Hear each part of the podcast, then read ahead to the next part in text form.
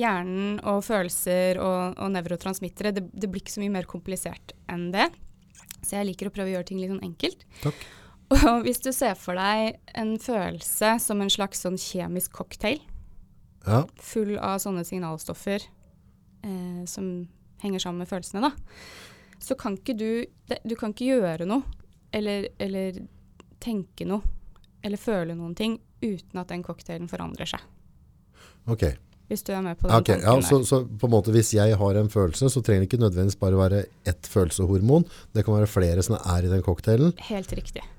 For det fins jo dette, Denne boka som jeg har skrevet nå, heter jo 'Endorfin som medisin'. Ja. Men endorfin er bare ett sånt transmitterstoff, mm. eller en sånn nevrotransmitter. da, Og så fins det hundretalls av disse stoffene, og de fleste vet jo ikke hvordan funker i det hele tatt. Eller ja. vi vet lite om dem, i hvert fall. Ja. Og vi vet også egentlig ganske lite om de vi vet mest om. Ja.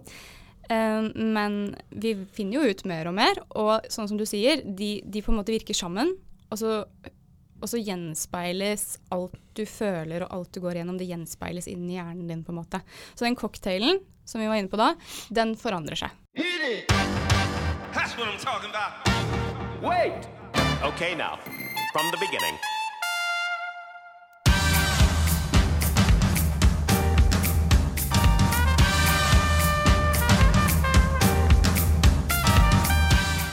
Tre, to, én. Velkommen til Nordpodden Aili Kristina Hannisdal, lege, og driver utdanner til å bli spesialist innen psykologi. Psykiatri. Psykiatri blir det. Ja, psykiatri. Men det er psykologi for leger, så ja. Ja, det blir litt av samme. Det gjør det. Sånn som jeg har gleda meg til at du kommer. I boka mi, nå snakker jeg ikke om den skriveboka di, men sånn for meg, så representerer du en ny generasjon av fagfolk med hvitt sidesyn som ser på alt. Og det setter jeg så ufattelig pris på. Så bra. Ja, At ja. noen gidder å ta den jobben og studere og tenke litt nytt og se hva kan vi gjøre annerledes. Ja, jeg tenker jo det er veldig viktig, for det er så mye man kan gjøre annerledes sjøl. Man trenger jo ikke å, å, sitte fast i følelser eller mønstre eller på steder i livet som man ikke trives, hvis man ikke velger det, da. Ja. Det kan man jo gjøre. Ja. Man kan velge å være på steder man ikke liker å være. Ja. Men så kan man la være. Man kan velge noe annet òg. Ja. Mm. Vi har mye valg. Vi har mange valg. Ja. Det vi skal prate, du har jo skrevet ei bok nå. Ja. Uh, og der er jo endorfin som medisin. Mm. Uh, og da snakker vi ikke om uh, stor feit sprøyte rett i skinka, men her snakker vi om på en måte måte vi håndterer følelser og sånne ting. Mm kroppens reaksjonsmønstre. Da. Ja, eller snakker om kroppens naturlige rusmidler, egentlig. Og belønningssystemet, og hvordan man kan påvirke det sjøl. Hørte dere, folkens? Rusmidler, egne rusmidler, belønningsmidler. Mm. Hvordan kan du påvirke det sjøl? Mm. Ja, for vi har jo det her belønningssystemet i hjernen. Alle har det. Og det belønningssystemet det har stort sett alltid en finger med i spillet, uansett hva du driver med. Okay. Uansett om du velger å, å akseptere at det har det eller ikke, så har det en finger med i spillet. Så det er med å styre veldig mye av det man gjør, og det man føler. Du kan nesten se på det som en sånn indre dopdealer. Okay. Eh, hvor disse naturlige rusmidlene brukes til å markere alt som skjer i livet ditt som positivt eller negativt. For det er jo egentlig det systemene er opptatt av. Man har jo emosjoner, eller, eller det litt mer Det som er utgangspunktet for følelser, det er egentlig litt sånne enkle fornemmelser som opprinnelig gjorde at enklere skapninger kunne navigere i en verden hvor det var noe som kanskje ville spise deg opp, mm. eller at du trenger å spise, da, som er to motsetninger. Mm. Og da gjør jo en følelse det at noen ting føles bra ut. Du blir glad av det. Man blir jo glad av å spise det, oh, ja. f.eks. Eh, eller at du blir redd, som er veldig kjekt hvis det kommer et eller annet som har lyst til å spise deg opp. Så er det fint at du blir redd, sånn at du stikker før du blir spist. Og inni der er det noen hormoner? Inni der er det noen Ja, eller det er hormoner òg, selvfølgelig. Men hvis, hvis, man skal se på disse naturlige rusmidlene, så kan du kalle det nesten for sånn hjernehormoner. Ja. Det er noe som heter Egentlig heter det nevrotransmittere. Nevrotransmittere? Nevrotransmitter. Det er, akkurat som hormoner så er det noen sånne signalstoffer, men de virker i hjernen. Og så virker de i, i det du føler noe, eller, eller egentlig ja, i alt du gjør, da Så hvis, eh, hvis du hadde på en måte klappa meg pent på huet, så på en måte løser det ut noen sånne hjernehormoner. Ja. Eller hvis du har klappa til meg, gitt meg en ørfik, så vil det løse ut andre. Da vil det løse ut andre hormoner. Som igjen Helt da riktig. er med og bestemmer dette er ålreit, dette er ikke ålreit. Riktig. Da markerer den indre dopdealeren din det som sånn Filler'n, det var ikke noe ålreit at hun klappa til meg. Mest sannsynlig så tenker jeg at du ville tenkt det. Ja, Eh, men sånn pusing, det, det utløser jo sånn kosehormon, da, ja. som man kan kalle det. Men vil da på en måte neste gang, hvis du klapper til meg da, neste gang jeg kommer i nærheten, vil den der indre dopdealeren begynne å varsle meg litt? At kamerat, her er det faresignal. Sist gang så gikk du på en smell. Det, som regel er den indre dopdealeren ganske oppmerksom, sånn at da kommer du inn på det som tilhører, altså som hører til din personlige historie. For da har jo du i din historikk, så har hjernen din lagret informasjon om at hm, dette har jeg opplevd før. Eh, hun har kommet mot meg på denne måten før og beveget hånda på denne måten før, så nå, eh, nå vet jeg hva som kommer til å skje. Og Ja. da kan det hende du kjenner på følelsen før jeg gjør det, til og med. Så ja. Helt klart. Derav magefølelse. Derav magefølelse. Ja. Men du er inne på det, for det syns jeg også er litt sånn kult. Hvis man skal gjøre det altså Dette her er jo hjernen og følelser og, og nevrotransmittere. Det, det blir ikke så mye mer komplisert enn det. Så jeg liker å prøve å gjøre ting litt sånn enkelt. Takk. Og hvis du ser for deg en følelse som en slags sånn kjemisk cocktail, Ja, full av sånne signalstoffer eh, som henger sammen med følelsene, da, så kan ikke du Du kan ikke gjøre noe eller, eller tenke noe eller føle noen ting uten at den cocktailen forandrer seg. ok. Hvis du er med på den okay, ja, så, så på en måte hvis jeg har en følelse, så trenger det ikke nødvendigvis bare være ett følelseshormon. Det kan være flere som er i den cocktailen. Helt riktig. For det fins, finnes jo dette, Denne boka som jeg har skrevet nå, heter jo 'Endorfin som medisin'. Ja. Men endorfin er bare ett sånt transmitterstoff, mm. eller en sånn nevrotransmitter, da. Og så fins det hundretalls av disse stoffene, og de fleste vet jo ikke hvordan funker i det hele tatt. Eller ja. vi vet lite om dem, i hvert fall. Ja, Og vi vet også egentlig ganske lite om de vi vet mest om. ja. Eh, men vi finner jo ut mer og mer, og sånn som du sier, de, de på en måte virker sammen. Og så, og så gjenspeiles alt du føler og alt du går gjennom, det gjenspeiles inn i hjernen din. på en måte. Så den cocktailen som vi var inne på da, den forandrer seg. Når du tenker noe, altså ingen, Du kan ikke tenke noe uten at den sammensetningen i din cocktail endrer seg. Så den er en, det er en bartender som mikser den hele tida. Så hver Ja. følelse eller reaksjon har sin cocktail som på en måte gjør Riktig. Rett og slett hyller, da. Altså sånn som passer uh, Der er de følelsene sånn og sånn. Altså det er oppskrifter på det. Ja, ikke sant? Ja. Man kan jo se på det sånn. Og, og det som er kult da, er at eh, der kan du jo påvirke. Du kan, du kan tilsette ting sjøl. Du, okay. kan, du kan gjøre ting for å endre den cocktailen, eller da følelsen, hvis vi skal gjøre det, Ja, holde det sånn. Okay. Så hvis du f.eks. da hvis du velger, for Man kan jo bruke kroppen, eller man kan bruke tankene til å endre hvordan man har det. Eh, så hvis du f.eks. retter deg opp i ryggen og, og, og smiler til noen, mm. eh, og ser noen inn i øya, Ja, så endrer jo den cocktailen seg. ja, Og det kan man jo kjenne, at det skjer noe i kroppen din i det du gjør akkurat det. ja. Selv om det jeg sa nå er kjempeenkelt, mm. for det er jo ikke så veldig komplisert å gjøre akkurat de tingene. Men da bruker du kroppen din til å endre cocktailen din sånn at du føler deg litt annerledes. Makes sense. Mm. Har du prøvd en uh, Napoleon siden uh, Nå hadde han knappinga på motsatt side, men når han sto utover et felt, så satt han alltid på en høy hest, og så hadde han på en måte noen fingre inn, og så var det der. Gjorde sånn, ja. Strakk haka opp, og så Ja. så han utover slagfeltet. Uh, og det er en sånn greie som på en måte at hvis du, du skal ut på et eller annet, hvis du bare raker deg opp og Mm. og, og liksom bare virkelig har litt sånn stopp, du føler deg sterkere. Ja, men man gjør det, og det er akkurat det. Øyeblikkelig. Hvor kjapp er ikke det bartenderen? Veldig kjapp. Den indre dopdealeren, den er liksom, den er på ballen hele tida. Så, så den, eh, ja. To skritt tilbake.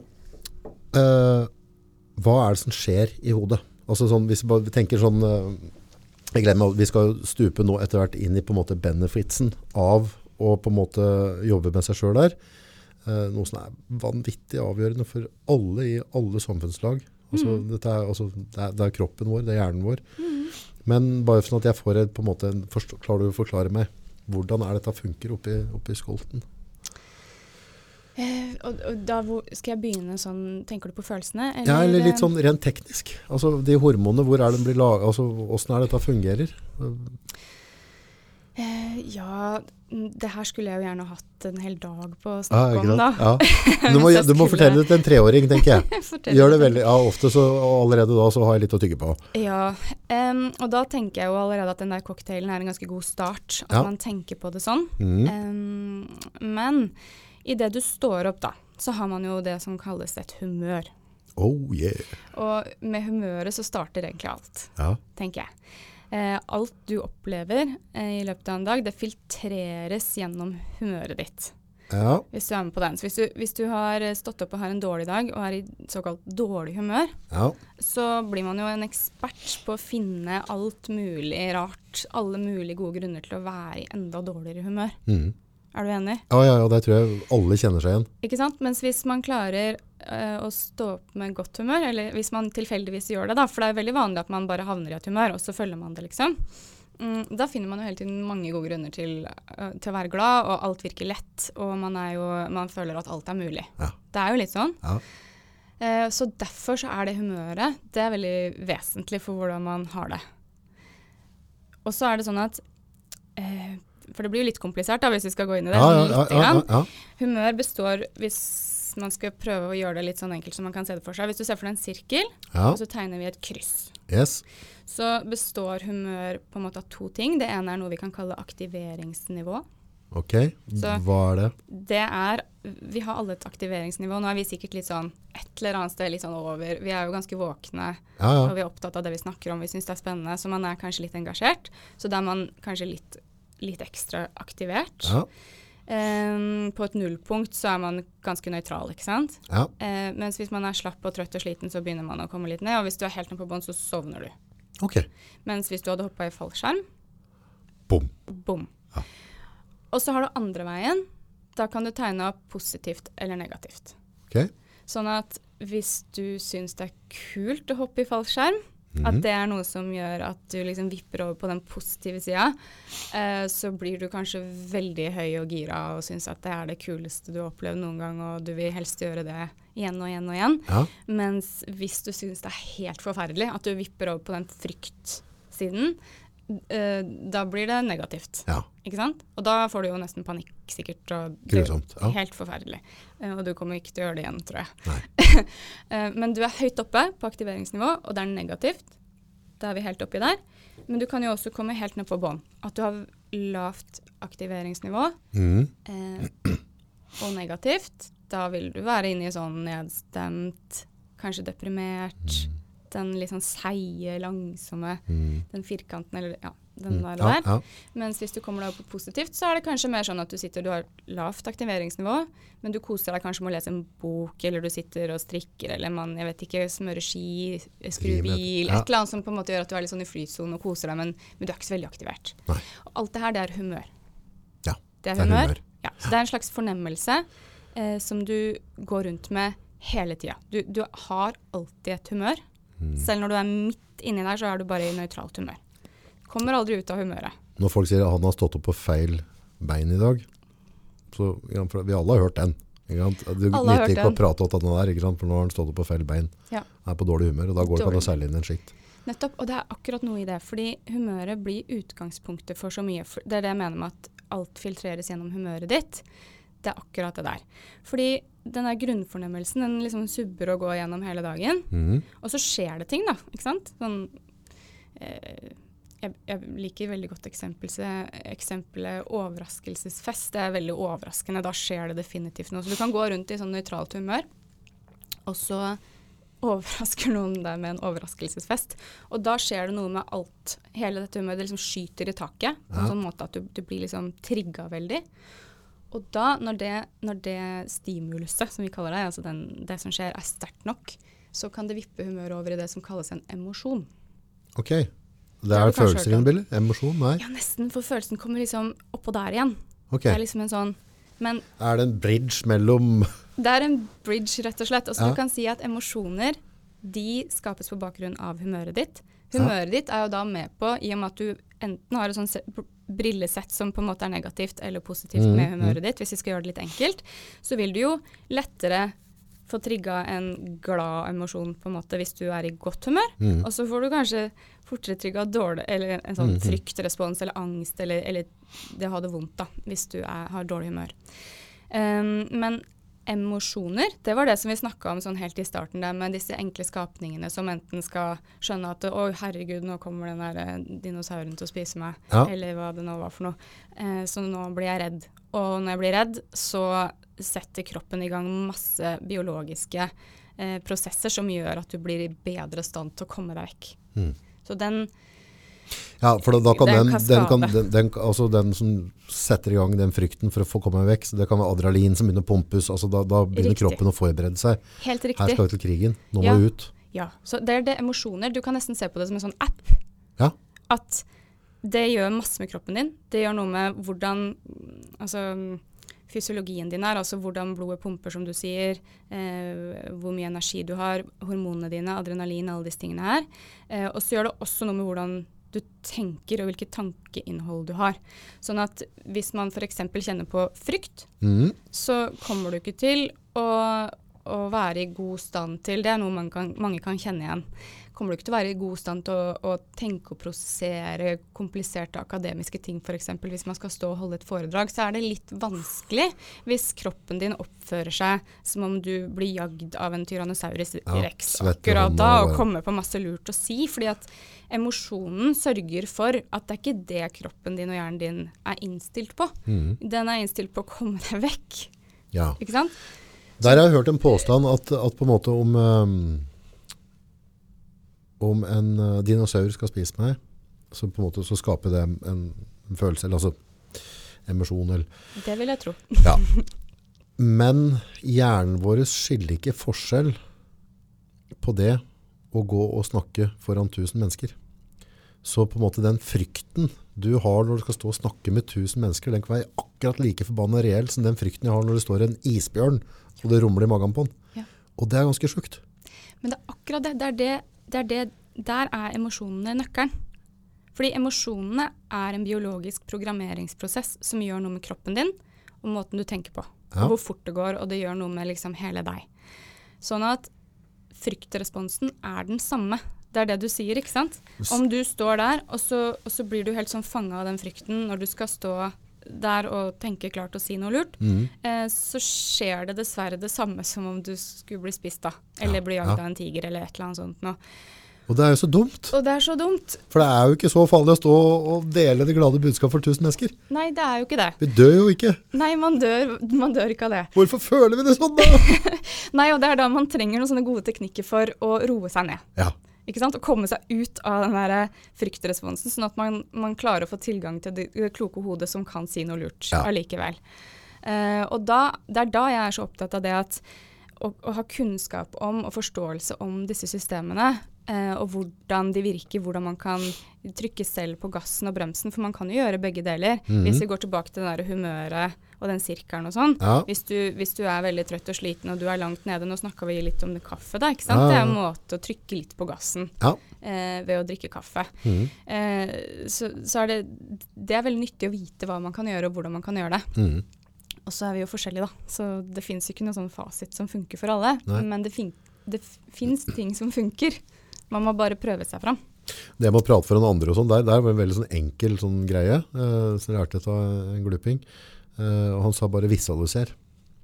At okay. du går på scenen, se for deg 1000 mennesker, altså eller om det er 500 eller 50, bare visualiser det, for hvis du tar med hjernen din gjennom den følelsen, kjenn på følelsen, hvordan føler jeg når folk hører, jeg føler at folk klapper, folk er fornøyd, at du kjører den runda der, så har på en måte hjernen din vært med en tur til, Ja. og når du faktisk skal gjøre det etterpå, så er det ikke så skremmende. Nei, og det er så kult, for det er helt riktig.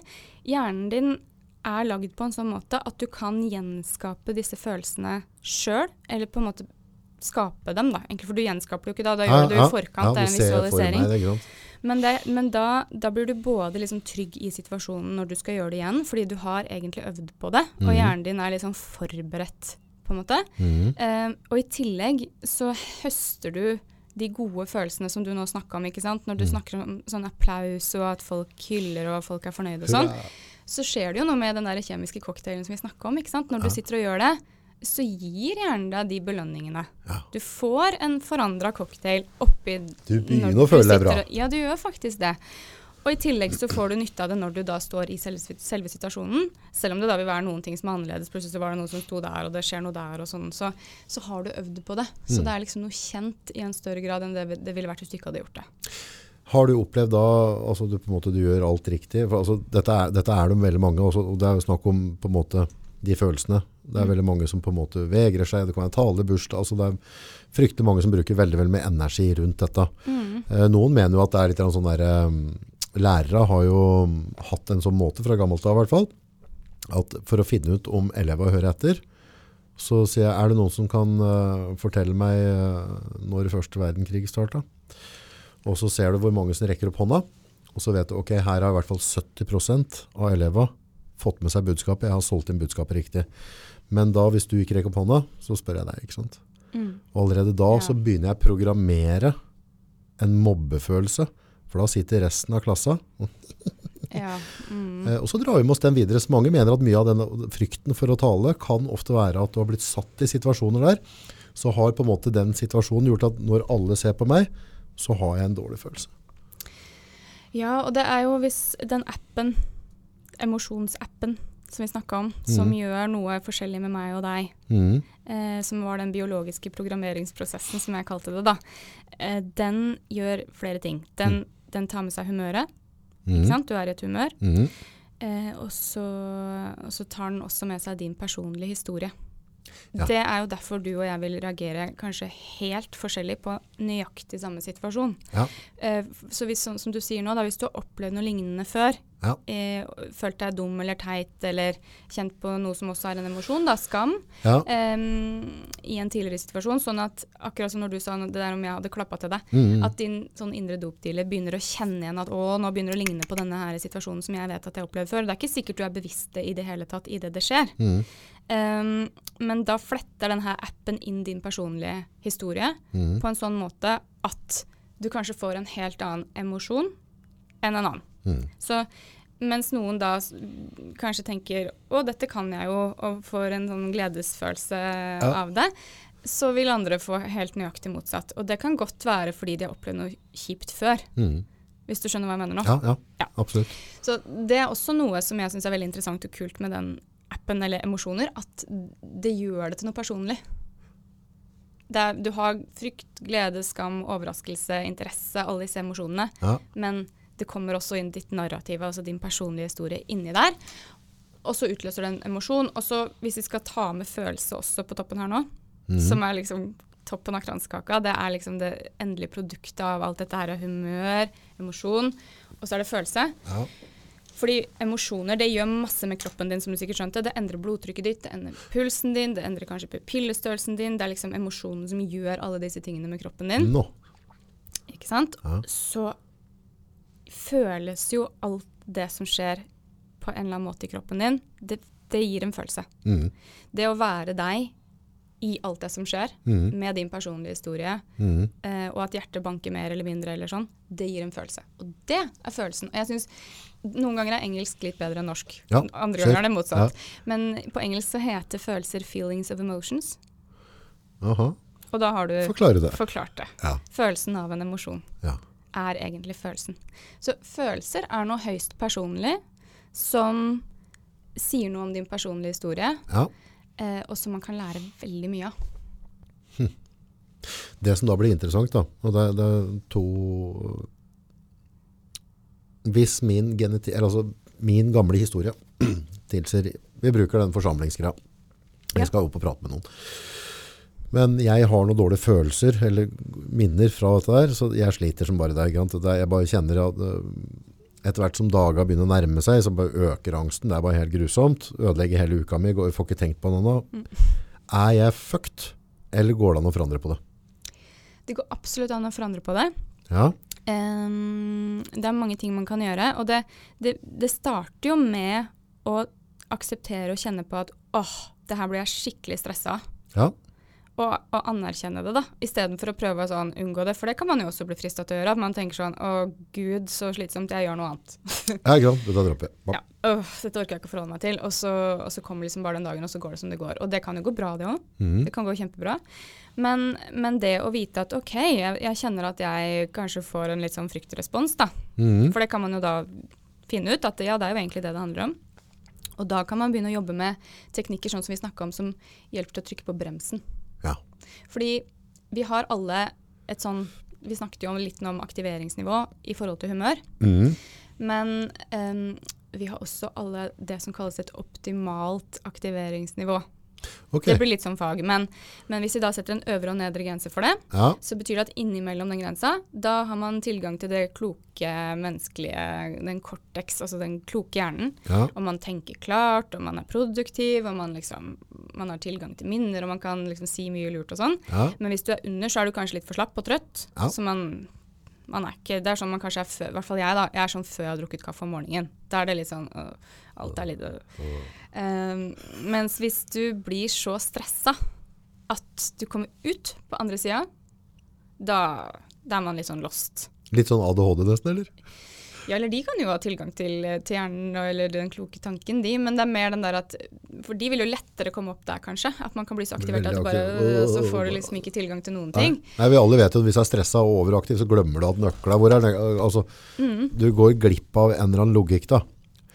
Altså, hvis vi skal reise et sted nå, og så har vi, ok, vi har fem minutter på, så går dette helt fint. Da pakker jeg sekken min ordner og styrer, men finner, oh, shit, vi har brukt opp tida, liksom. Ikke sant? Da kommer jeg til å glemme at bilnøkkelen, og så står jeg og klapper i lomma ned på i heisen, og, og, og så er det jo og det er helt kokos. Og akkurat det som du sier nå, det blir da kjempeviktig for deg å unngå før du skal gjøre det her. Du må ha god tid og passe på det at, at du ikke eh, blir stressa og aktivert i forkant, fordi alt henger jo sammen. Man, eh, man, eh, ja, man kan ikke svi av energien sin da i forkant og komme opp der før man skal ut og snakke, ikke sant? Det, Nei, det vil hvis- være veldig okay. uheldig. Der Så du den bremsen på, din. Må passe på å holde liksom bremsen litt inne.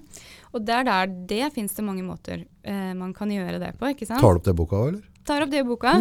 Bremsen er kjempeviktig, og det er det som er sånn kult. fordi man tenker veldig ofte på når det kommer til å føle seg bra og, og klarne hodet og alt dette her, så tenker mange, tror jeg i hvert fall, på, på liksom gassen først og fremst. At man skal gjøre noe som trigger en sånn typisk drikke kaffe. Ja. Eh, ja. Det, er i hvert fall, det gjør, har jeg gjort veldig mye sjøl. At jeg har Ja. drukket veldig mye kaffe fordi jeg tenker at jeg skal liksom tenke klart. Ja. Men så har jeg kanskje skjønt etter hvert at når jeg allerede er der oppe, jeg er kjempestressa og trenger å komme meg litt ned, Mm. jeg trenger ikke mer kaffe. Nei, nei, nei, altså ved et eller annet jeg tidspunkt så trenger det motsatte, faktisk. Men på morgenen så er det på en måte, synes jeg, en varm kaffekopp, og så forbind, altså jeg forbi, for meg så er en varm kaffekopp på morgenen, lukta av den, det forbinder jeg med lykke. Så Ja, gir det- meg den starten, så, så allerede der så setter du meg i godt humør. Ja, jeg Hvis du enig. kommer hver morgen og så sier, vær så god, her har du nytrukket kaffe, og så får jeg den varme koppen i hånda mi, kjenner den lukta, den skaper en følelse. Ja. Etter hvert så hadde jeg holdt deg på et kjempehøyt sted. Liksom, hver morgen så hadde du kommet med den, så hadde du blitt guden i mitt liv. Ja, sånn sett. Men, men da er ikke du stressa om morgenen. Nei. Du kan jo sikkert være det òg, men sånn hovedsakelig i hvert fall jeg er ikke det. det. Da er jeg rolig, og da er det veldig fint å få litt sånn gass, da. Mens hvis, man, hvis målet er å ha et klart hode på eh, å holde en tale, f.eks., hvor du forventer at du kommer til å være stressa og aktivert, Ja, da skal du være litt forsiktig med stimuli. da er det ikke stimuli du trenger. Nei. Du kommer, fordi Oi. både det å trykke på gassen og bremsen kan kjennes ut som en slags boost på en Mm. sånn måte Altså fordi det gjør noe med hvordan du fokuserer og bruker energien din. Mm. Og det fins jo mange måter å definere stress på. Mm. Jeg syns at splitta oppmerksomhet er en veldig god definisjon. Eh, eller nyttig definisjon. Okay. Fordi for min del så kjenner jeg veldig på det at hvis jeg er veldig stressa, så klarer jeg ikke å fokusere. Klarer ikke å Nei, nei, Så oppmerksomheten min blir sånn Jo, det, det er, blir helt sånn Å, herregud, så slitsomt. men det er jo sånn fra gammelt av. Altså, hvis du blir stresset, da, det er jo, da er stress, frykt. Altså, eh, hvis du er ute i jungelen, så skal du ikke fokusere etter små altså Hvis du er stressa, altså, da er det tydeligvis en situasjon som ikke er bra, Mm. så sier de at da skal øya gå rundt og få med seg alt. Det altså, kommer det inn noen farer her nå? Og så blir du ikke den fokuserte jegeren. En fokusert jeger har jo på en måte en rolig puls, går og ser etter spor, leter etter nyanser. Men hvis du føler at du er i en fare, så begynner du å stresse, og så får du ikke det fokuset. Du er litt overalt. Ikke sant? Og da det å finne teknikker som kan hjelpe deg å samle sammen igjen, mm. det er veldig nyttig. Hvis Mm. man først sliter med akkurat det, at oppmerksomheten bare går i alle mulige retninger, da er det vanskelig å tenke klart å si ting som henger på greip, da. Ja. Fordi man er i en helt annen emosjon, Ja. egentlig. Ja. Så, så derfor så tenker jeg at det, det kan Og det er veldig ofte enkle ting. Mm. Det kan virke litt som banalt, men det er enkle ting, og de enkle tingene er jo ofte det beste, for det er gjennomførbart òg? Ja, At man kan faktisk gjøre det, men man er jo avhengig av å gjøre det. Ja. Så hvis man ikke gidder å prøve, for det høres så enkelt ut, mm. så funker det ikke. Nei. Og så er det ofte også sånn at man må øve på ting. Ja. Hvis du Får ikke til med en gang, Man får ikke til med en gang, og, og det er eh, Altså, det meste må man jo du kan, OK. Har du hørt det er noe som heter nevroplastisitet? Nei. Det er et uh, spennende ord. Det betyr at hjernen eh, blir på en måte til Den er veldig fleksibel, og den blir det du gjør, på en måte. Sånn at når du lærer deg noe, så lager du koblinger oppi hjernen din. Mm. Eh, og når du gjør det igjen, Mhm. så forsterker du den koblinga. Ja, du får en bedre gjennomføring av signalet. Helt riktig. Så f.eks. hvis man skal ta det å kjøre bil, da. Første Ja. gangen jeg kjørte bil. Eh, jeg tok eh, sertifikat ganske seint. Jeg tok det i 20, 2014. Ja. Så godt voksen da, før jeg begynte med det. Det var jo fantastisk ubehagelig å sette, meg, sette meg bak det rattet første gangen. Ja, er og gass og brems og herregud, liksom. Og det andre mennesker og fotgjengerfelt og uff, Så mye å tenke på, liksom. Eh, for det er jo ingenting som går av seg sjøl heller. Du har jo ikke lagd noen sånne koblinger, eller synapser, da, som det heter på fagspråk. Nei. Men etter hvert som du øver, så lager du flere og flere koblinger. Mm. Og når du repeterer det, eller øver på det, eh, så begynner noen av disse koblingene å jobbe litt sånn på egen hånd av seg sjøl nesten. Sånn at du, du trenger ikke lenger å følge med på gassen og bremsen eller hva du gjør med det. Det går faktisk av seg sjøl. Ja. Og sånn er det med veldig mange andre ting òg. At alt du har øvd på, alt det som du har repetert og repetert på gjennom livet ditt, det blir fra å være en sånn Det var ikke noe kobling der. Så lagde du en kobling, mm. og så forsterker du den og forsterker den. og forsterker den. En sånn nyopptrådd sti først, kanskje, hvor det, eller du må liksom ned og mm. hugge noe, kappe noe gress og noe sånt før du liksom kommer fram der. Det kan jo kjennes litt sånn ut. Det er den motstanden, ikke sant. For det kjente jeg på når jeg skulle kjøre bil, at her er det mye motstand. Mm. Veldig slitsomt. øh, Mye Ja, å tenke på. ja. Ja. Stress. Men etter hvert som man får liksom høgd vekk litt eh, strå, lagd sti og tråkket stien fram og tilbake veldig mange ganger, eh, så begynner det å bli en liten sånn vei, og så etter hvert så blir det en asfaltvei, og til slutt så har du laget disse motorveiene. Mm. Og de motorveiene, det, det er de som Det blir liksom motorveien til føl bra-stoffene dine, Ja. egentlig. Det er det jeg pleide å kalle det til, vet ikke om det er riktig, men automatlegeme. Mm. Forhold til om du trener, om du trener boksing og sånne ting, og så, og så gjør du samme kombinasjonene tusenvis av ganger, så går det automatisk. Da får du et helt, helt annet tempo på det, og de kommer bare automatisk. På samme måte du sklir på holka, så hogger du tak i et eller annet rekkverk. Det er en veldig sånn rask reaksjon, men det er sånn en forsvarsmekanisme. Da. Så rallysjåfører, sånn på, fra de ser en situasjon til de på en måte har en bevegelse i tåa, den er vanvittig mye raskere enn oss, for de har øvd så mye. Helt riktig. Så de her motorveiene du prater på er bare helt fantastiske. Men det er veldig kult, da. Ja, helt... Og det er akkurat det, for du kan lage motorveier sjøl. Ja. Du kan bestemme deg for å prøve noe nytt. Mm. Og kanskje kommer du til å finne ut at den ene tingen der som du ikke ante at fantes engang, har mm. en kjempeeffekt på akkurat deg. Men kan jeg da si det så firkanta eller så enkelt som å si at de nevrotrådene, altså den, de motorveiene du lager oppi, oppi hjernen din når du begynte å lære deg å kjøre bil, som på en måte begynte som da på en måte uh, usle stier, til slutt så er det en vei, så du gjør det på en måte automatisk, du tenker ikke på det, du setter bilen i drive, du kjører og koser deg. Det kan du også gjøre med følelsen din eller humøret ditt, hvis du jobber med det. Ja. I, altså, for det, det er egentlig samme, for du sier dette er the hard way to de der hormonsystemene dine, eller de lykke. Mm. Og det kan vi faktisk gjøre da med oss selv, Man kan gjøre det med seg sjøl. Eh, og det er jo eh, på andre ting enn å kjøre bil. På andre ting enn å kjøre bil, men også det å kjøre bil. Eller, Ja, ja, eller altså, kan- hva som helst. Du kan trene med å like å lese. Du kan trene med å like å lese. Det er, altså, hallo. Altså, mange ting tenker du bare, nei, jeg har aldri likt å lese, så sånn er det bare. Så det ble ikke noe lesing på meg. Nei, men det er, men det er sånn bare tull. Ja, det er det. Og det, og jeg syns egentlig du sa det fint. For det, med trening også, så er det jo sånn at det, det er mange øvelser som kan kjennes veldig krøkkete og unaturlige ut første gangen du gjør det. Mm. Men så føles det veldig bra ut mm. når du har fått teken på det. da. mhm. Og det, jeg tror det gjelder alt. Altså, hvis man skal lære seg å strikke, det er ikke noe gøy første gangen det heller. Eh, Det blir støl i fingra og det, altså. ja, eller du må i hvert fall sitte sånn her. Ja, det, ja, Ja. Det, det tar litt tid da, før det blir til noe som gir den der fri flyten av føl bra-stoffene. Mm. Det kommer ikke ramlende ned i hodet på det. Man må ofte øve litt først. Men dette er jo en litt sånn åpenbaring, for det, spesielt den metaforen du bruker med å lære å kjøre bil. Mm. At det er på en måte det er en øvelsessak, du skal føle bra hormonene, og så du, du må jobbe med dette her for å få det til å gå automatisk. Men sånn fungerer det også på veldig, veldig mange andre ting. Altså type ting som kan være slash angstbelagt, eller altså ting jeg på en måte skyr unna. Mm. Jeg har muligheten til å jobbe med meg selv og programmere meg selv. Mm. Og hvis den ikke gir opp, så har en veldig stor sjanse for å lykkes. Man har det, og det, det er bare det her med å ikke gi seg. Ja. Man, for det er ikke sånn at de samme tingene vil funke for meg og deg. Nei. Det er både fordi vi har forskjellig historie, og, og vi har forskjellig biologi, og man, man har forskjellig genetikk. ikke sant? Det er, det er sånn det er. Ja. Eh, men hvis man ikke gir seg, og man, man noen ganger så Greit, den tingen der funka ikke for meg. Prøv, no, prøv neste ting. Ja. Det viktigste er å ikke gi seg. Og så tenker jeg det er veldig nyttig å vite litt om disse systemene. For hvis vi går tilbake til den naturlige, eller den indre dopdealeren, Ja.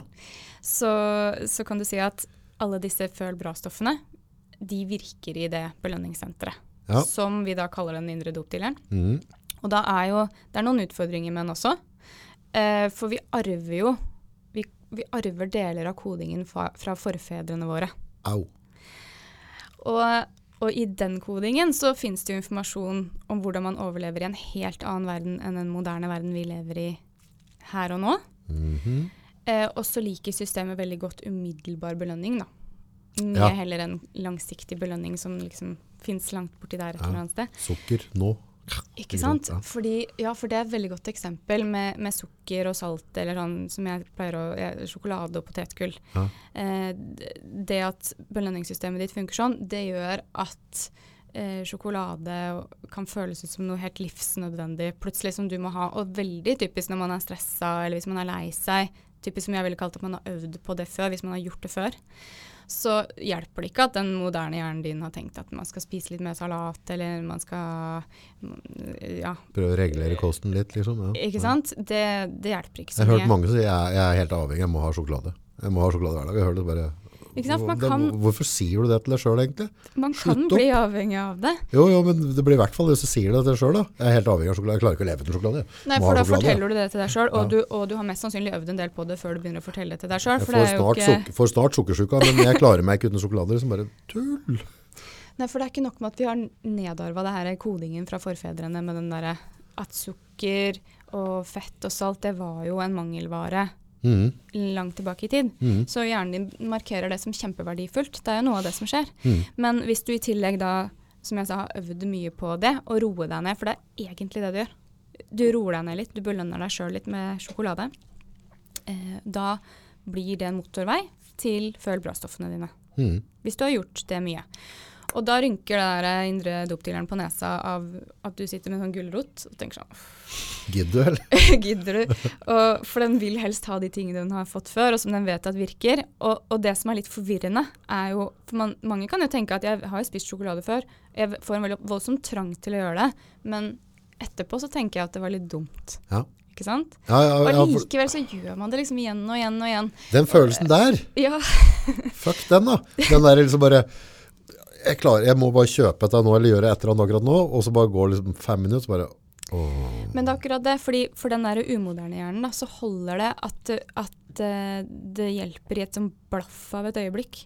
For det er akkurat den umiddelbare belønningen som hjernen er så opptatt av.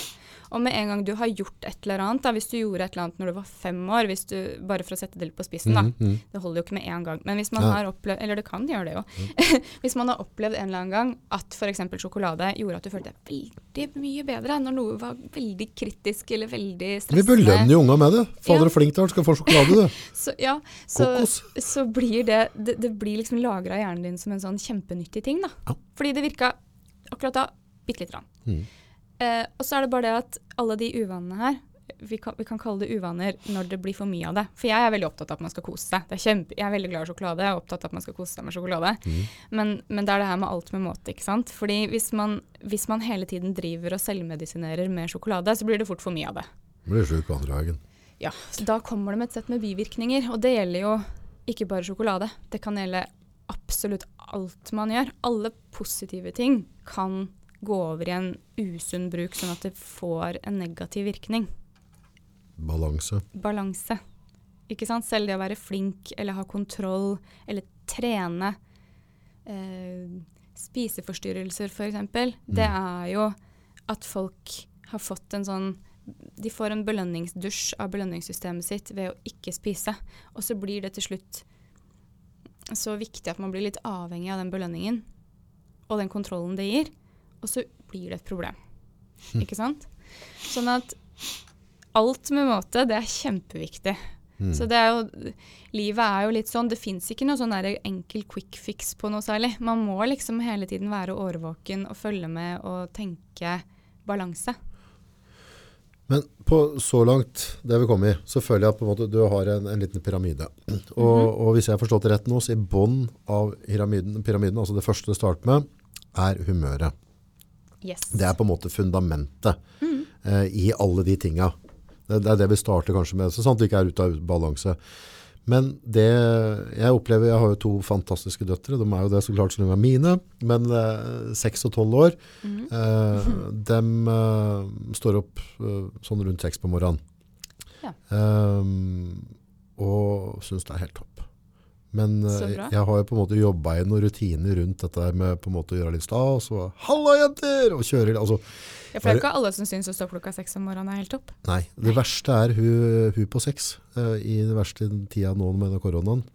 Og ikke var, eh, var skole og sånne ting, så ble det, hun er litt, det er trøkk, ja, en fin jente.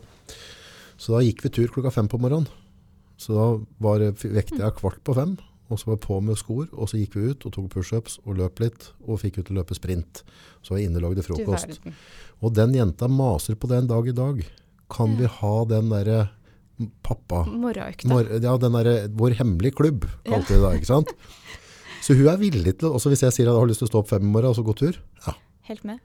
Men for hun så er det på en måte en, en positiv, altså hun blir godt humør av det da. Men jeg kjenner det på en måte, den preppinga på morgenen på dem, det er helt avgjørende på humøret. Jeg ser hele rytmen. Mora kan nok ha en tendens til å begynne å, å hakke litt på noe og da ødelegger humøret veldig fort. Og da er det to trøttryner du har ved kjøkkenbordet. Så, så er det veldig sånn eh, stort. Så det humøret, hvor stor grad har vi menneskene, omgivelsene rundt oss, mulighet til å påvirke humøret? Jeg tenker at det er veldig mye man kan gjøre med humøret.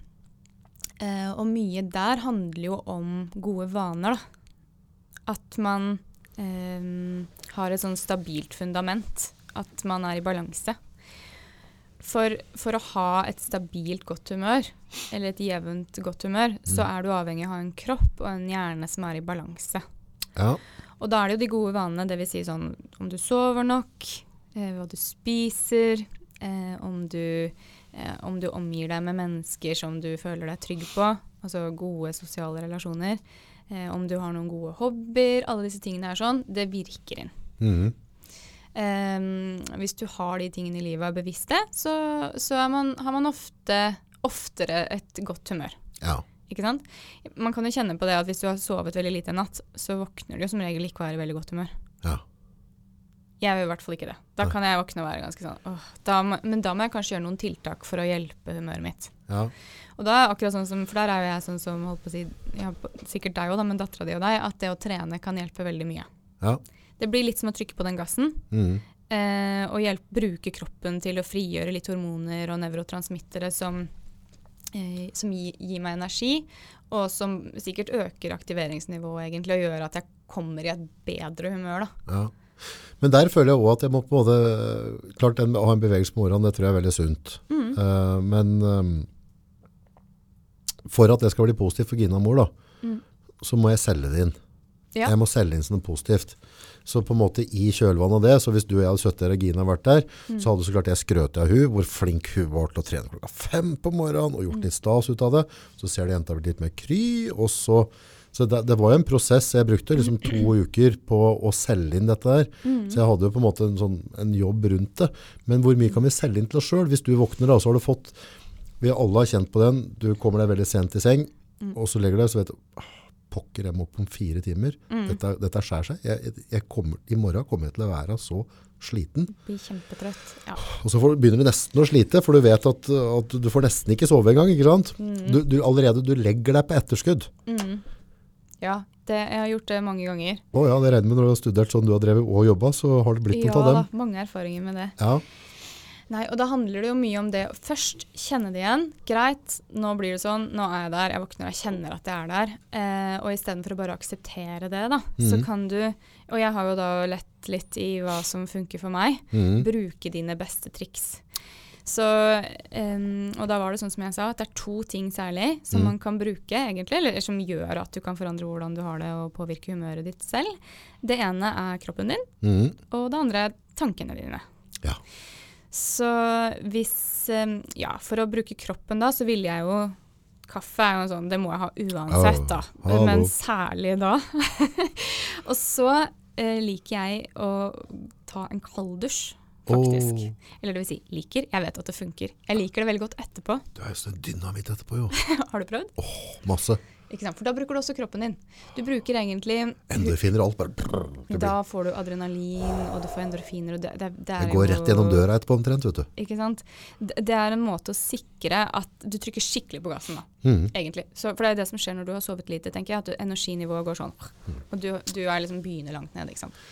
Så da kan du trykke på gassen med å, å drikke kaffe og ta en kald dusj. Ehm, og så kan du jo bestemme deg litt da, for hvordan du har lyst til å tenke om det. Å ja. Ikke sant? ja.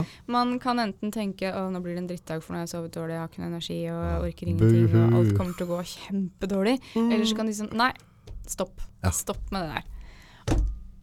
og så kan du bestemme deg for å tenke annerledes. Ja. Og det har jo en enorm effekt òg. Hvis vi holder oss til den følelsescocktailen som vi var på i stad, ja. så sa jeg at du kan ikke tenke noe uten å påvirke den cocktailen. Ikke sant. Så hvis du da Mange vil jo bare kalle det for å tenke positivt. Ja. Og så er det mange måter å gjøre det på. Men selvfølgelig, å tenke positivt, tenke positive tanker, være åpen for at dagen kan forandre seg, eh, det vil påvirke hvordan du får det. Og så kan du fortsette å bruke kroppen din da, Ja. Være i aktivitet. til å være i aktivitet. Du kan, sånn som vi sa, rette deg opp, smil til folk. Du sa det så fint i stad. Når du gjør det, så får du jo som regel også en helt annen respons fra hele omverdenen din, Mm. som igjen gjør noe med deg. Mm. Og det er det som er kult med det å smile, at vanligvis så tenker man jo på at man smiler når man er i godt humør. At Mhm. man er glad, så derfor så smiler man. Um, at det liksom startet med en følelse i hjernen som gjorde at du smilte. Men Ja. det funker motsatt òg, fordi noe av grunnlaget for humøret, som liksom er det der grunnfundamentet, det lages av kroppens sensoriske systemer. Sånn at når du smiler, så sender faktisk også de sensoriske systemene fra din, din smilemuskulatur og ansiktet ditt sender eh, signaler tilbake til hjernen din om at du er blid. Ja. Så blir vi Så det går liksom Ja. begge veier, og du kan, du kan lure hjernen din til å tro at den er glad. Ja.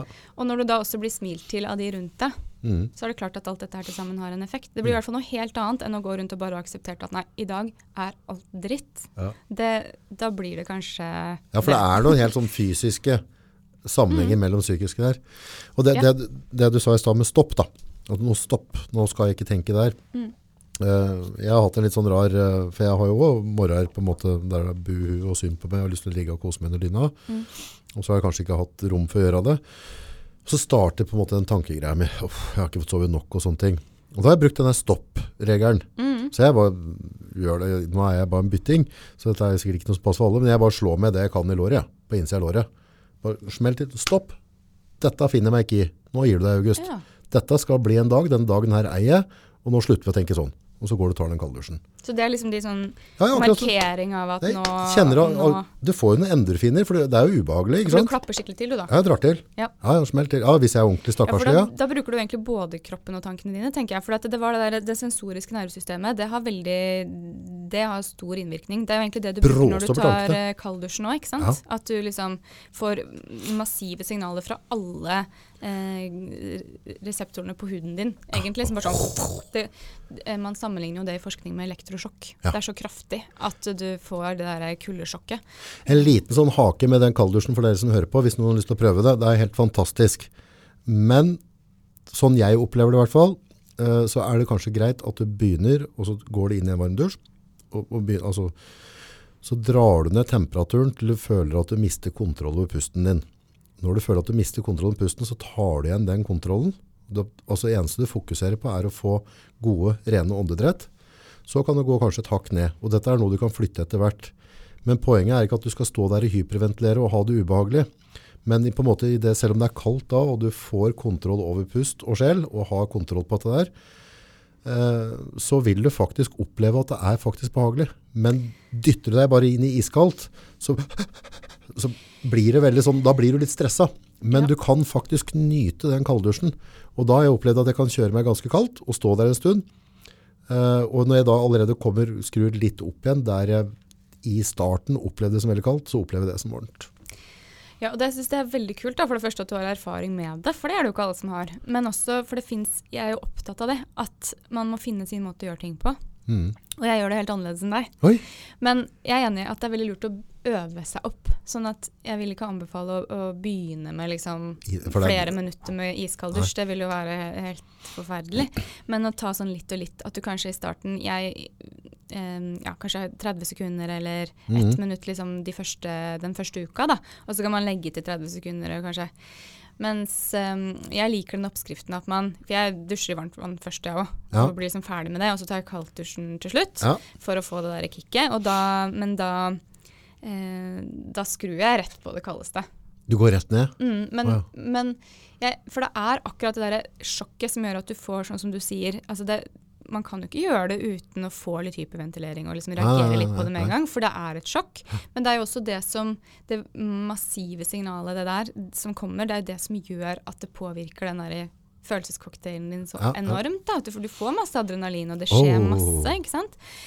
Um, men, men jeg syns at det blir positivt ganske fort når man bare har kommet, blitt litt sånn vant til det. Mm. Og, og kanskje slutte å prøve å komme unna den følelsen. At man mm, I meditasjon så er man jo veldig opptatt av å prøve å slutte å skyve vekk ubehag. At Mhm. man skal være litt mer sånn OK, ta det imot og åpne opp for det og være sånn nesten nysgjerrig på det. Så det henger jo sammen med det som man kaller tilstedeværelse og oppmerksomhet og være til stede i nuet. Mm. Så selvfølgelig, man vil oppleve det som en Det er overraskende vanskelig i starten å skru over til det kaldeste. Ja, men det er jo litt mentalt òg. Altså, I morgen skal du stå opp, skal du få en kald dusj av meg. Bare, Det er ikke det som frister mest. Nei, for det varm dusj på morgenen er jo helt magisk. Det er helt magisk. Men det er noe som skjer når man har fått den der, det kjemperushet. Ah, ja. Jeg har så mye mer energi etterpå. Jeg trenger ikke noe ekstra kaffe da. Nei, nei, nei du, altså, da er kroppen Har du Derfor jeg tenker sånn med, med pusten der, da. Ja. Eh, at jeg fokuserer på pust, er at på en måte, om du, du renser eller alkaliserer blodet Altså du, du starter en veldig god Og der du på en måte inhalerer helt ut, du blåser helt ut. Du får veldig grundig gode, altså litt sånn type meditasjonpust.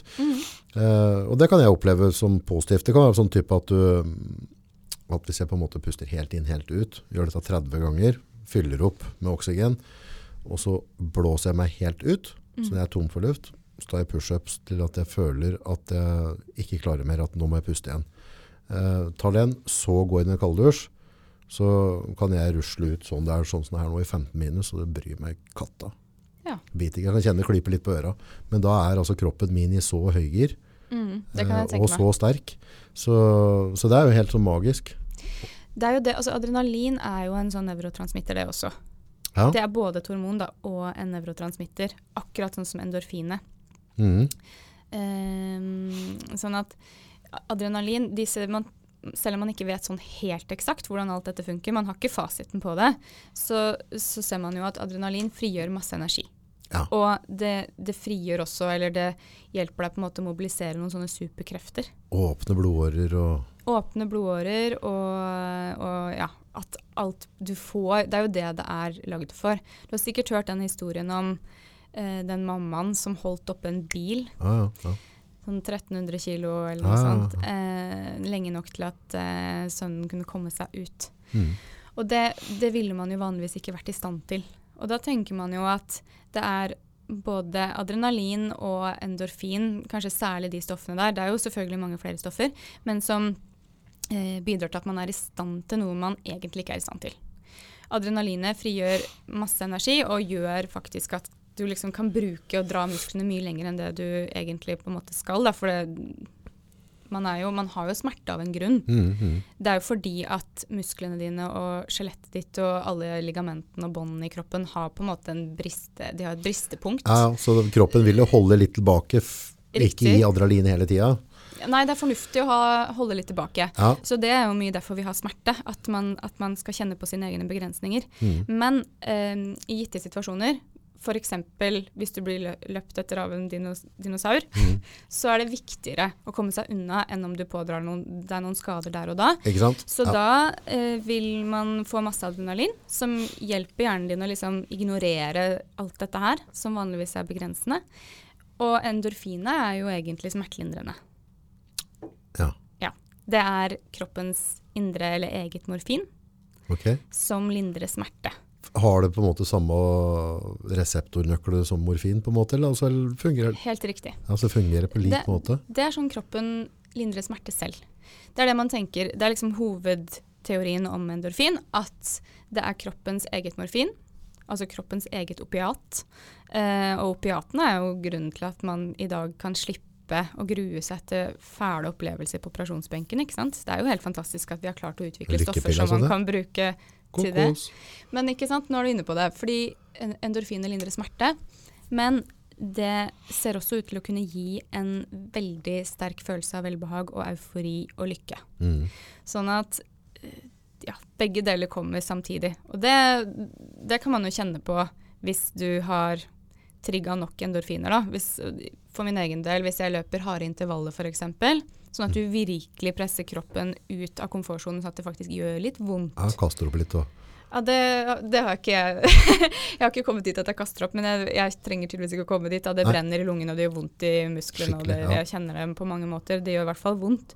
Da kommer endorfinene på banen. Og etterpå så er jeg jo liksom høy. ja, blir... Man blir jo litt rusa. Ja, men du har jo pusha deg beyond limit. Det er akkurat For det. en, altså, det er jo på en måte det som gjør at verden går framover, tenker jeg. Men det er det, det er det disse stoffene hjelper til med. Sånn at når den mammaen skulle løfte den bilen, så kjente hun kanskje ikke at det gjorde vondt i musklene. Eller ledda, eller sånn, Mm, fordi at endorfin og adrenalin hjelper til med det. Mm.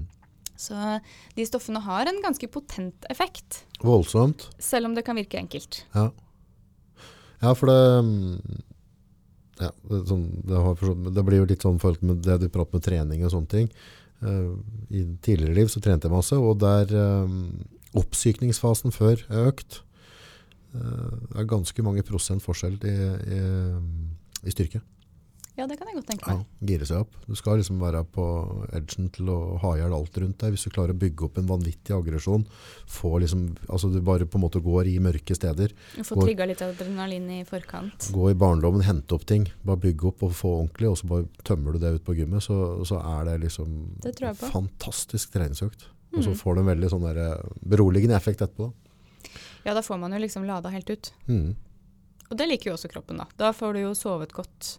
Og ja, det er jo en av de aller viktigste tingene for å sørge for at man har det stabile grunnhumøret på plass, ikke sant. Ja. Søvn, hvile.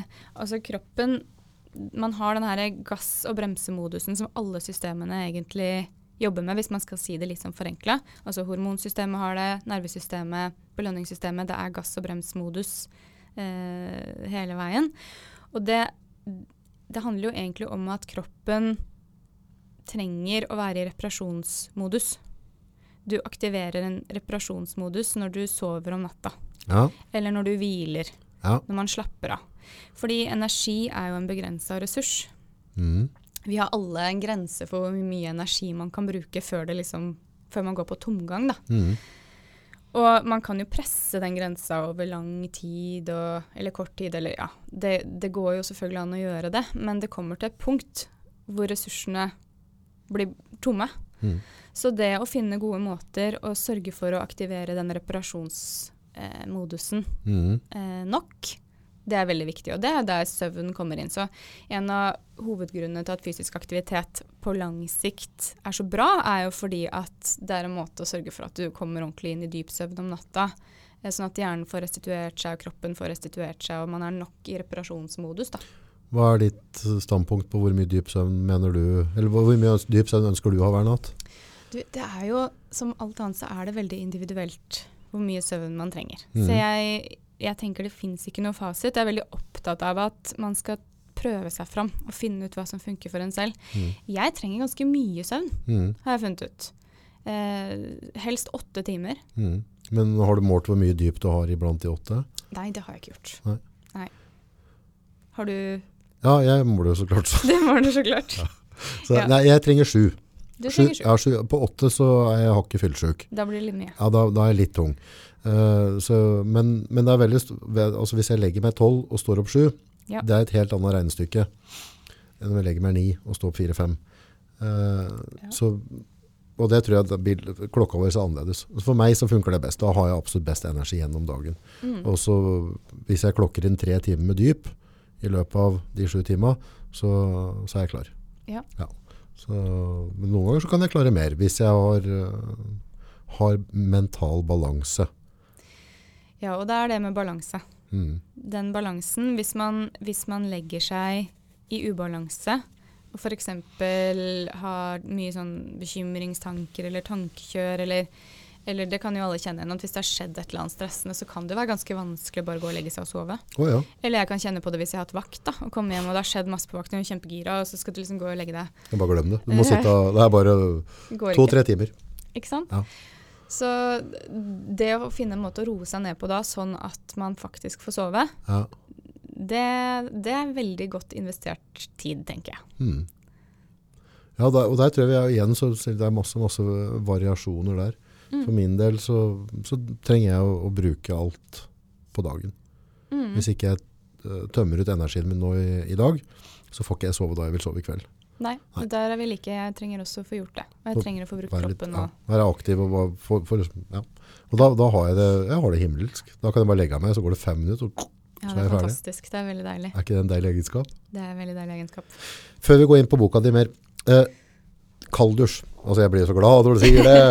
Eh, immunforsvar Kalders, har du gjort deg noen tanker rundt det? Ja, masse tanker rundt det. Um, de studiene jeg har funnet som jeg syns er morsomme, eller som jeg refererer til, handler jo mye om at man ser at sykefraværet det går ned mm. hos kalddusjere. Mm. Men um, det er jo viktig dette her å bruke det riktig, da. Ja. Man må bygge det opp, sånn som du også sa. Eh, og, og, og liksom la kroppen bli litt vant til det. For det er en ganske Det er heavy. Det er en heavy belastning i starten. Ah, ja. Men ved jevnlig bruk så ser det ut til å øke antallet hvite blodceller og bedre immunforsvaret.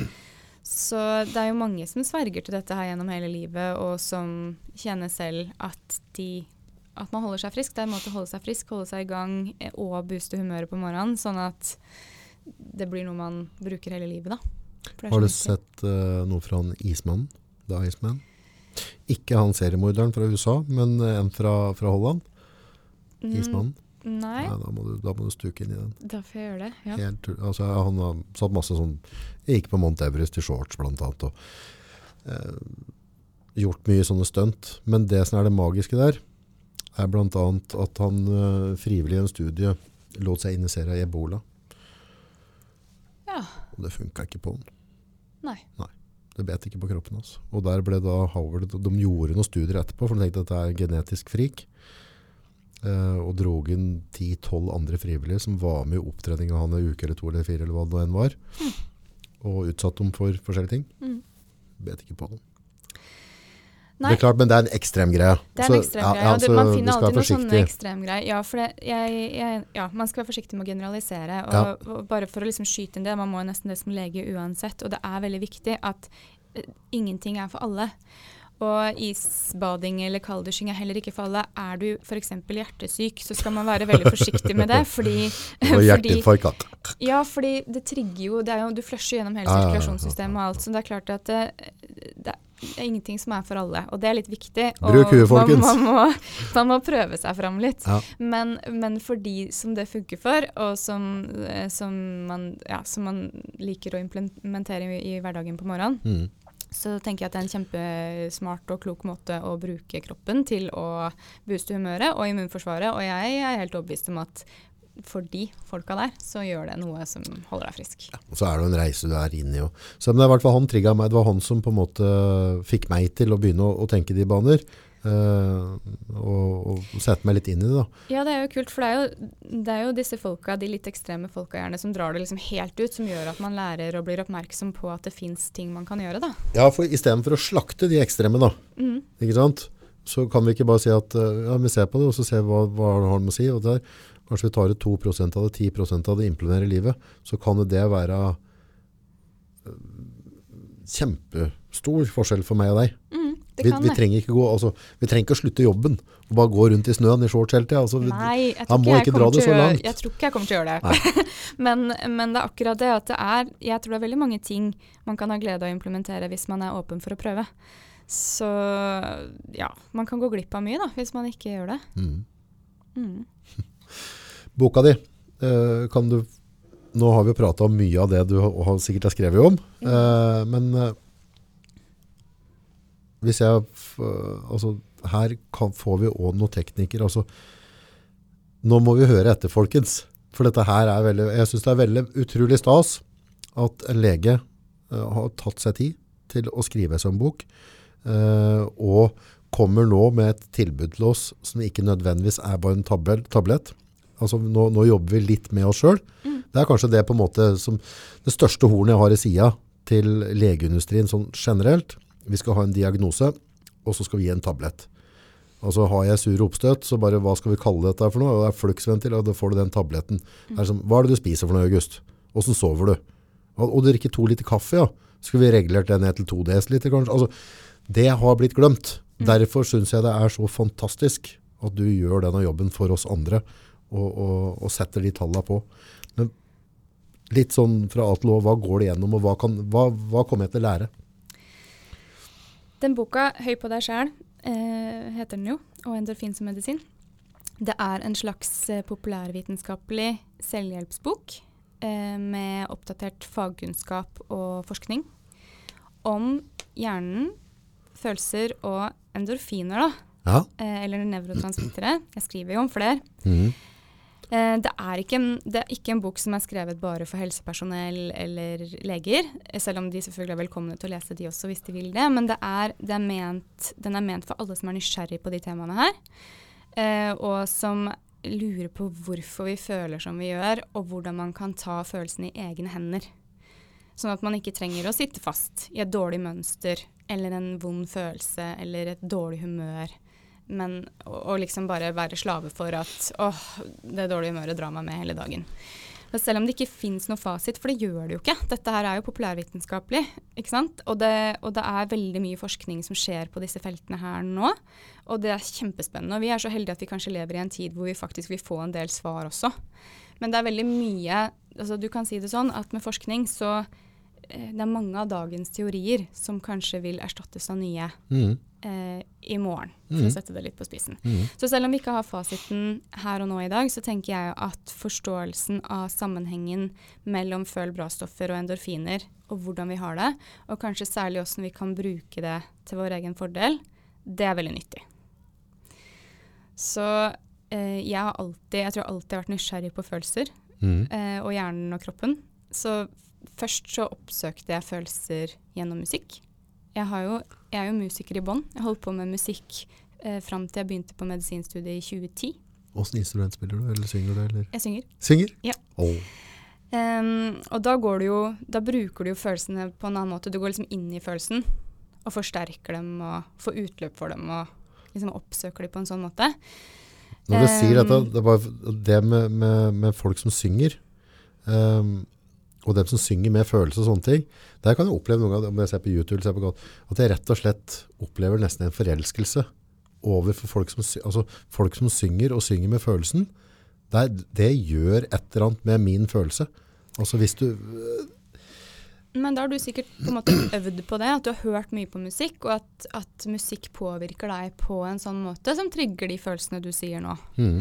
Eh, for det er jo sånn for meg òg at i- siden jeg har brukt musikk fra jeg var bitte liten, og alltid liksom gått inn i musikk på en måte som betyr noe for meg, så tilbake til motorveier, da, ikke sant. Så er det helt klart det er sånn åttefelts eller jeg vet ikke, ja. Det er helt klart en motorvei til mine følelser, da. Og det er det som er kult, for musikk er en av de tingene som virkelig ser ut til å påvirke veldig mange. At de aller fleste kan ha utbytte av musikk, og man kan bruke det mye mer enn det man Altså nå skal ikke jeg si at ikke alle er klar over det, men, men jeg har i hvert fall blitt overraska etter at jeg kom inn i medisinen og vitenskapens verden over hvordan det virker i belønningssystemet vårt, og hvor mye det påvirker følelsene. Du kan jo nesten kjenne på det hvis du bare tenker på dur- og mollakkord Mm. nå kan vi jo ikke spille det nå, men, men hvis man spiller det, så kan man jo kjenne bare der, noe så enkelt som det, at det trigger forskjellige følelser. Mm.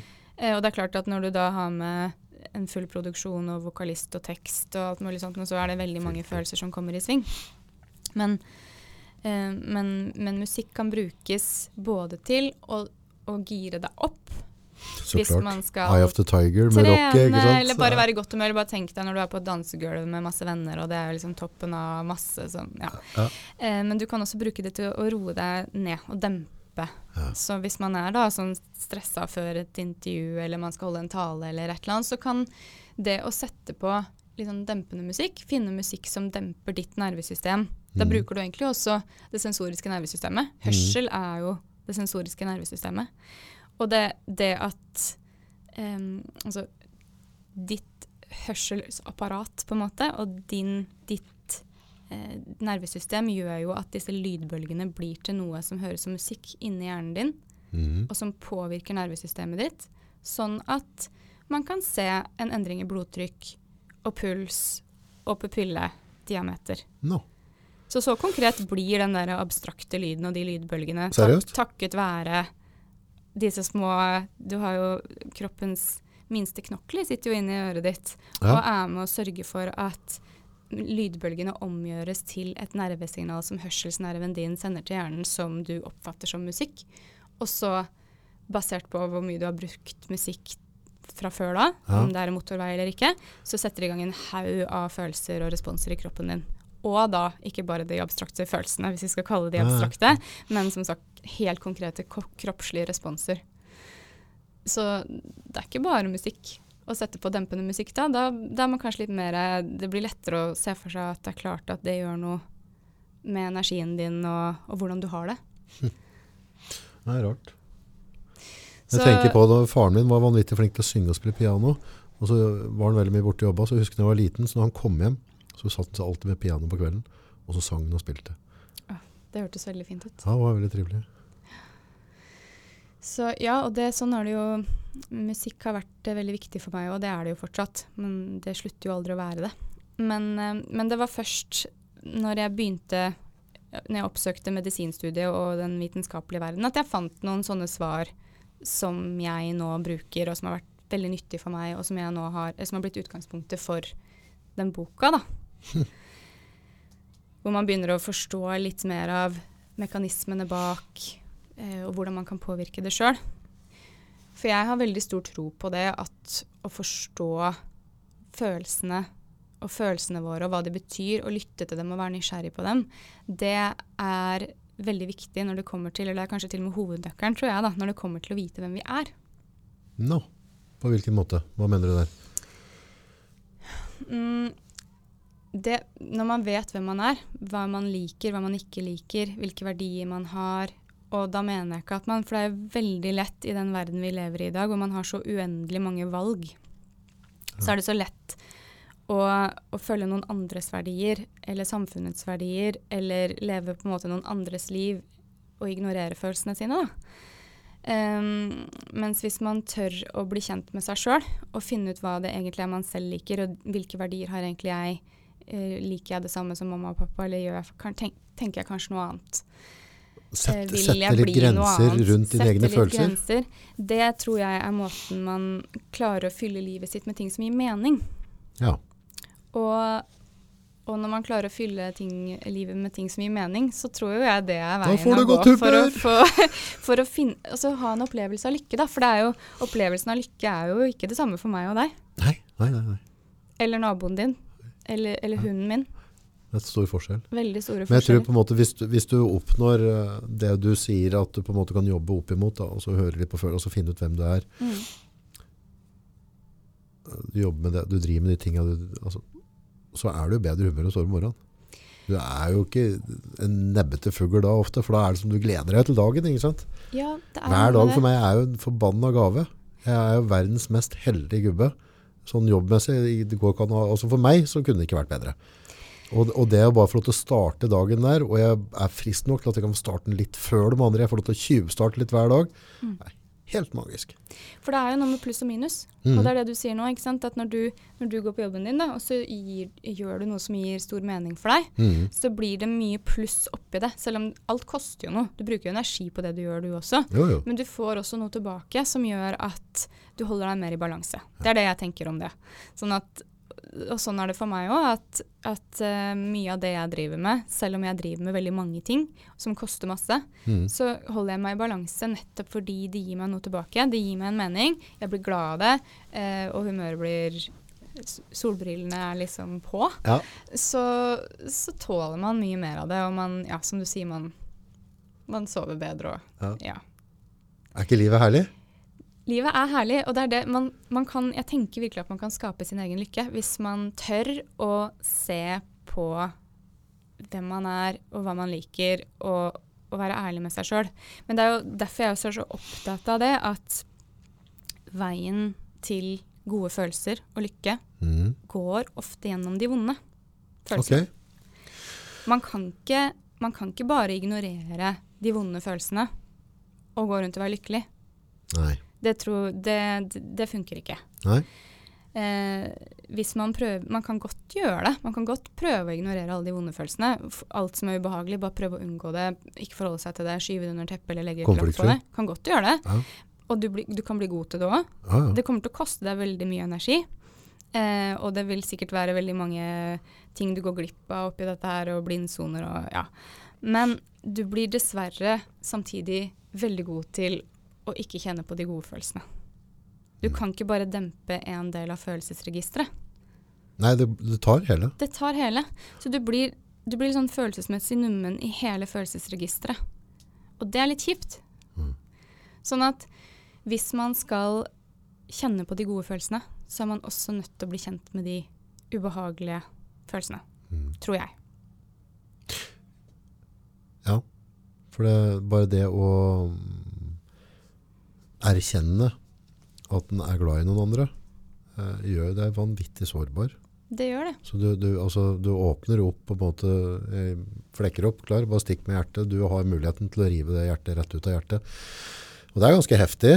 Det kan være ganske eh, tøff kost, i hvert fall hvis du har fått deg et par, par, par, på tygga tidligere. Så Absolutt. ved et eller annet tidspunkt så har du på en måte, lokker du slusa. Og da slipper du hverken gode eller dårlige følelser inn. Du tolererer ikke at folk tar på deg, egentlig. Ja, eller det kan i hvert fall være veldig fristende å gjøre det, da. Men sånn som du sier nå, da går man også glipp av noe. Ikke sant? Og det, og det er derfor jeg er så opptatt av det. For det er, uh, sånn, det er veldig fint eksempel det du sier nå. For hvis man skal velge å være glad i noen Du kan ikke gjøre det uten å bli sårbar. Nei, du er, du Det er er dum. Du gir, du gir, eh, gir noen å- ansvaret for følelsene dine, og, og det, er, da, da, det er en svakhet. Men, ja, ikke sant. Men, men eh, ved å være oppmerksom på det, og akseptere at OK, med dette her så blir jeg også sårbar, Mm. eh, så, er det, så gjør det det litt greiere. Det blir litt det samme som når du står inne i den kalde dusjen, og istedenfor å prøve å liksom late som det ikke er ubehagelig, eller at du kjenner at det er kaldt, så tar du det imot, da. Mm. At man blir sånn greit, det hører med. Mm. Og det jeg syns egentlig er at en fin metafor er eh, kroppslig sår. I forhold til det der med ubehagelige følelser, da. Ja. At eh, det er jo Altså at et urent sår som lukkes, kan gi infeksjon og arrdannelse. Det er kjent medisinsk Mm. kunnskap. Mm. Hvis du kommer til en lege eller til legevakta og har vondt et eller annet sted, så er det første du kommer til å bli spurt om, det er hvor det gjør vondt. Eh, kanskje hvordan vondt det gjør, altså det vi vil kalle karakter, smertens karakter. Og, og så blir du kanskje spurt om hvor vondt det gjør på en skala fra null til ti. Og emosjonell eller, eller da følelsesmessig smerte eller ubehag, det er egentlig akkurat som hvis du f.eks. Hvis du har tråkka over og skada ankelen din, Mm. så er det egentlig kroppens systemer, eller kroppens signalsystem, som gjør jobben sin. Eh, for da sier kroppens sensoriske nervesystem, eller det gir informasjon til hjernen din om at det, det fins et problem, Mhm. og problemet sitter i ankelen. Mm. Og så gjør det kanskje ikke så vondt heller hvis du ikke tråkker på ankelen. Hvis du bare sitter helt i ro og ikke bruker den til noe, mm. så gjør det ikke vondt. Men med en gang du belaster, så kommer den smerten. Mhm. Og sånn er det ofte med emosjonelle sår eller smerte også, at du må kanskje aktivere de samme hjerneområdene eller de samme følelsene eller noen minner da, for å kjenne at det gjør vondt. Men hvis du da blir trigga Hvis det gjør vondt nok på den der 0 til 10-skalaen idet du trigges, så kan man jo bli vippa helt ut. Mm. Miste fotfestet helt, og miste helt evnen til å tenke klart. Mm. Og da kommer den autopiloten inn. Da kan du jo plutselig respondere um, på mm, Du kan bli styrt av ubearbeidede følelser fra fortida. mm. Sånn at du istedenfor å respondere på situasjonen du er i her og nå, så responderer du på noe annet. Og det du sa nå da, med f.eks. å være glad i noen Hvis du Mm. har blitt brent mange ganger før, mm. så vil jo en typisk respons da kanskje være å unngå det. Mm. Fordi at man blir så redd for det, ikke sant? Og det er jo ikke noe rart. Nei, nei, nei. Det er ikke noe vanskelig å forstå det. Det er bare at man har så mye å tape på å ikke tørre å gå litt sånn inn i og rydde opp i det. For hvis man hele tiden går rundt sånn, så blir jo nesten livet som og et forsøk på å danse, på, danse som mine felt. Ja, men jeg kan jo skjønne mange folk, og for noen ganger så kan på en måte de følelsesmessige nederlaga da, eh, kan bli mange nok til at du er i nærheten av et punkt der det på en måte ikke er akseptabelt mer. Eh, og hvis ikke du slutter å spille russisk rulett med å la folk få lov til å ha innpass, eh, så er du fare for å knekke deg helt. Eh, og så kan det på en måte noen som kanskje på en måte lokker litt for tidlig, litt for, altså litt for sent. Det der, men det er på en måte det å ha de verktøyene og vite hvorfor vi har de følelsene. Jeg tenker at du kan gjøre at på en måte, det går an å gjøre step by step og begynne. For det handler jo bare snakk om å flytte litt på grensene. Begynne å jobbe litt i en eller annen retning. Og I løpet av et år så har vi kommet en fryktelig lang vei. ikke sant? Ja, og så er det også det der at, mm, som du sa i stad, når man smiler til omverdenen, så får du en respons. Mhm. Og det jeg tenker på da, er at selv om det er jo veldig mange ting som Altså, man har alltid noe man gjør sjøl òg. Sånn at når jeg sier at man plutselig havner i en autopilot og kanskje eh, styres av en eller annen følelse fra fortiden som du ikke har prosessert, mm. og du plutselig handler ut ifra den Kanskje det var 20 år siden, da. En eller annen ting som skjedde, som Mm. du har valgt å prøve å putte under teppet og Mm. ikke forholder deg til. Og så trigges det 20 år etterpå i en helt annen situasjon. Så reagerer du egentlig ikke på situasjonen du er i der og da. Du reagerer på den forrige situasjonen. Ja. Problemet med det er at da kan du jo lage liksom problemer for deg selv i situasjonen du er i her og nå. For du ser ikke klart, og du vet ikke hva du driver med. Skjønner du hva jeg mener nå? Ja, Eller er du med på det? Ja. Sånn at ved å da Og da er jeg enig med deg at man må selvfølgelig ta det litt sånn steg for steg. Og det mange, altså Noen ganger så trenger man jo profesjonell hjelp også for å hjelpe til å få ryddet opp i sånne type ting. Mm. Men jeg har stor tro på det at å finne ut hva som fins inni den der boksen, og kontrollert bli kjent med det. Mm. Eh, sånn at det ikke blir en sånn mine som eksploderer når du tråkker på den, og du liksom bare oh, Hvor kom disse vanvittige følelsene fra? At du kan finne ut hva som er inni der, og lære av det, sånn at du neste gang så kan du heller respondere på situasjonen du er i her og nå. Det du sier egentlig er at du, du, du liker veldig godt å finne okay, Her har jeg en følelse. og ok, det, da har vi følelsen her. Eh, hvordan er den følelsen? Hvor ille er det fra 1 til 10? Altså, du, du, du lager Hvorfor har jeg fått følelsen? Mhm. Ikke sant? Viktig. Hva kan jeg gjøre med følelsen? Hva handler det om? Hva Ja, er det for noe, hva, ja, sant? Hvor er den kommet fra? Ja. Også, er det nå? Er det, ja. er det noe som skjedde nå, Eh, eller er, kan det være noe Dør annet? jeg hvis jeg ikke forholder meg til dette her? Hva er konsekvensen av å ikke lytte til den følelsen? Så blir plutselig ikke den følelsen så altoppslukende. Mm, For da har du hengt den på en jævla knagg. mm. Da har du kontroll på den. Da, Ja, og så er det For man, man kan jo også reagere på følelsene sine. Det er ikke så uvanlig. Jeg kan kjenne på det stadig vekk, og særlig de der minene der. At du liksom eh, Det beste eksempelet nå, siden vi har snakka om det allerede, er kanskje det der med å skulle tale, da. Ja. Hvis du, hvis du um, er redd for å holde en tale, Mm. og så når det begynner å nærme seg, som du sa, de dagene eh, i forkant, så kjenner du på at nå begynner nervøsiteten å øke og sånn, så kan du jo du kan reagere på det. Du kan bli mer redd. Du kan reagere på nervøsiteten med frykt.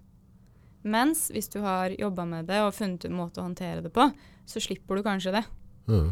Og da, da får gjerne den der nervøsiteten og den underliggende følelsen litt kortere varighet. For Ja. det går over. ikke Ja, sant? Det roer seg ned igjen. Så det er jo der det blir så forskjell på hvordan man håndterer det. At du og jeg eller noen andre kan ha helt forskjellig man, de, de dagene i forkant kan være veldig veldig forskjellige, ut ifra hva man gjør Ja. med det. Jeg har jo sånn neandertaler-approach på det. Jeg forholder meg ikke til det. Og så, så tar jeg det. Altså jeg, jeg kan begynne å forberede en halvtime før. Men hvis det funker for deg, så er det jo ikke noe grunn til å endre på det. Nei, For jeg gidder ikke å gå og tenke på det. Nei. Jeg bare, dette bare tenker jeg ikke på. Altså det, det tar, den, den, den runden tar vi en time før vi går på lufta. Ferdig med det. Og det høres ut som det er noe som funker, for du, du sitter nå her i dag og koser deg med det og sier at dette her er noe av det beste Ja. du vet. Ja, så, ja. så jeg- da ser ikke jeg noen grunn til at du skal endre på det. Nei, jeg tror vi er alle forskjellige. Og andre er på en måte for en urovis som ikke har planlagt i god tid. At noen Ja. er jo også den der på en måte Mora mi er veldig sånn som skal rart planlegge at skal komme og spise middag om tre uker. Jeg kjenner jeg får helt angst, bare må forholde meg til det. ikke sant? Altså er vi nødt til å planlegge tre uker fram i tid, men for hun så er det viktig. Hun liker er å ha, ja, ha ting. Og jeg, jeg tenker jo det viktigste der er hvis vi- Si du nå ikke hadde klart på en halvtime å forberede deg på en sånn måte at dette her var noe du kom godt ut av og fikk glede av, ja, men du visste at det var noe som egentlig kunne gjøre det for deg, ja, og så ødela følelsene dine for deg fordi du ikke hadde funnet en måte å håndtere det på, Mhm. da måtte du jo kanskje, eller da kunne du hatt mye å hente på å jobbe med det. Mm. Men det høres ut som du har funnet Ja, måte å gjøre det på, da. Funker det. Sånn Ja. noenlunde i hvert fall. Utrolig, utrolig spennende å prate med deg. Jeg håper at hvis du er i området senere eller et eller annet, eller at du har tid til oss senere også. Og så tenker jeg, det er ikke ofte jeg oppfordrer folk til noe, men jeg setter så vanvittig pris på den jobben du har gjort for oss andre. Eh, Og dette er, eh, dette er fantastisk at vi jobber med oss selv, og alt, alt er ikke en quick fix. Altså finne ut av ting. Så hvis noen av dere der ute kjenner noen som trenger en liten sånn klapp på skuldra eller tupp i rumpa, eller altså, som trenger at her er det mann, dame, en eller annen som liker å utvikle seg selv, eller trenger det, hvilken bedre julegave? Hæ? Er ikke dette gaven å få? Hæ? Du må være, ja, du må være enig da. i egne hender. Ja. Ja, og det er, ja for det, er, det fins kanskje ikke noe quick fix, men man kan jobbe med alt. Ja. Og hvis man, eh, hvis man trenger en quick fix, så er det innmari kjekt å ha det brannslukningsapparatet tilgjengelig når man trenger det. Og så kan man heller jobbe med de langsiktige lykke- og meningsfylte tingene når det ikke brenner. For meg så har de tinga du prater på der rett og slett forandra livet mitt. Så, så, Det er fantastisk. Ja, ja er, altså jeg, jeg er så takknemlig for det.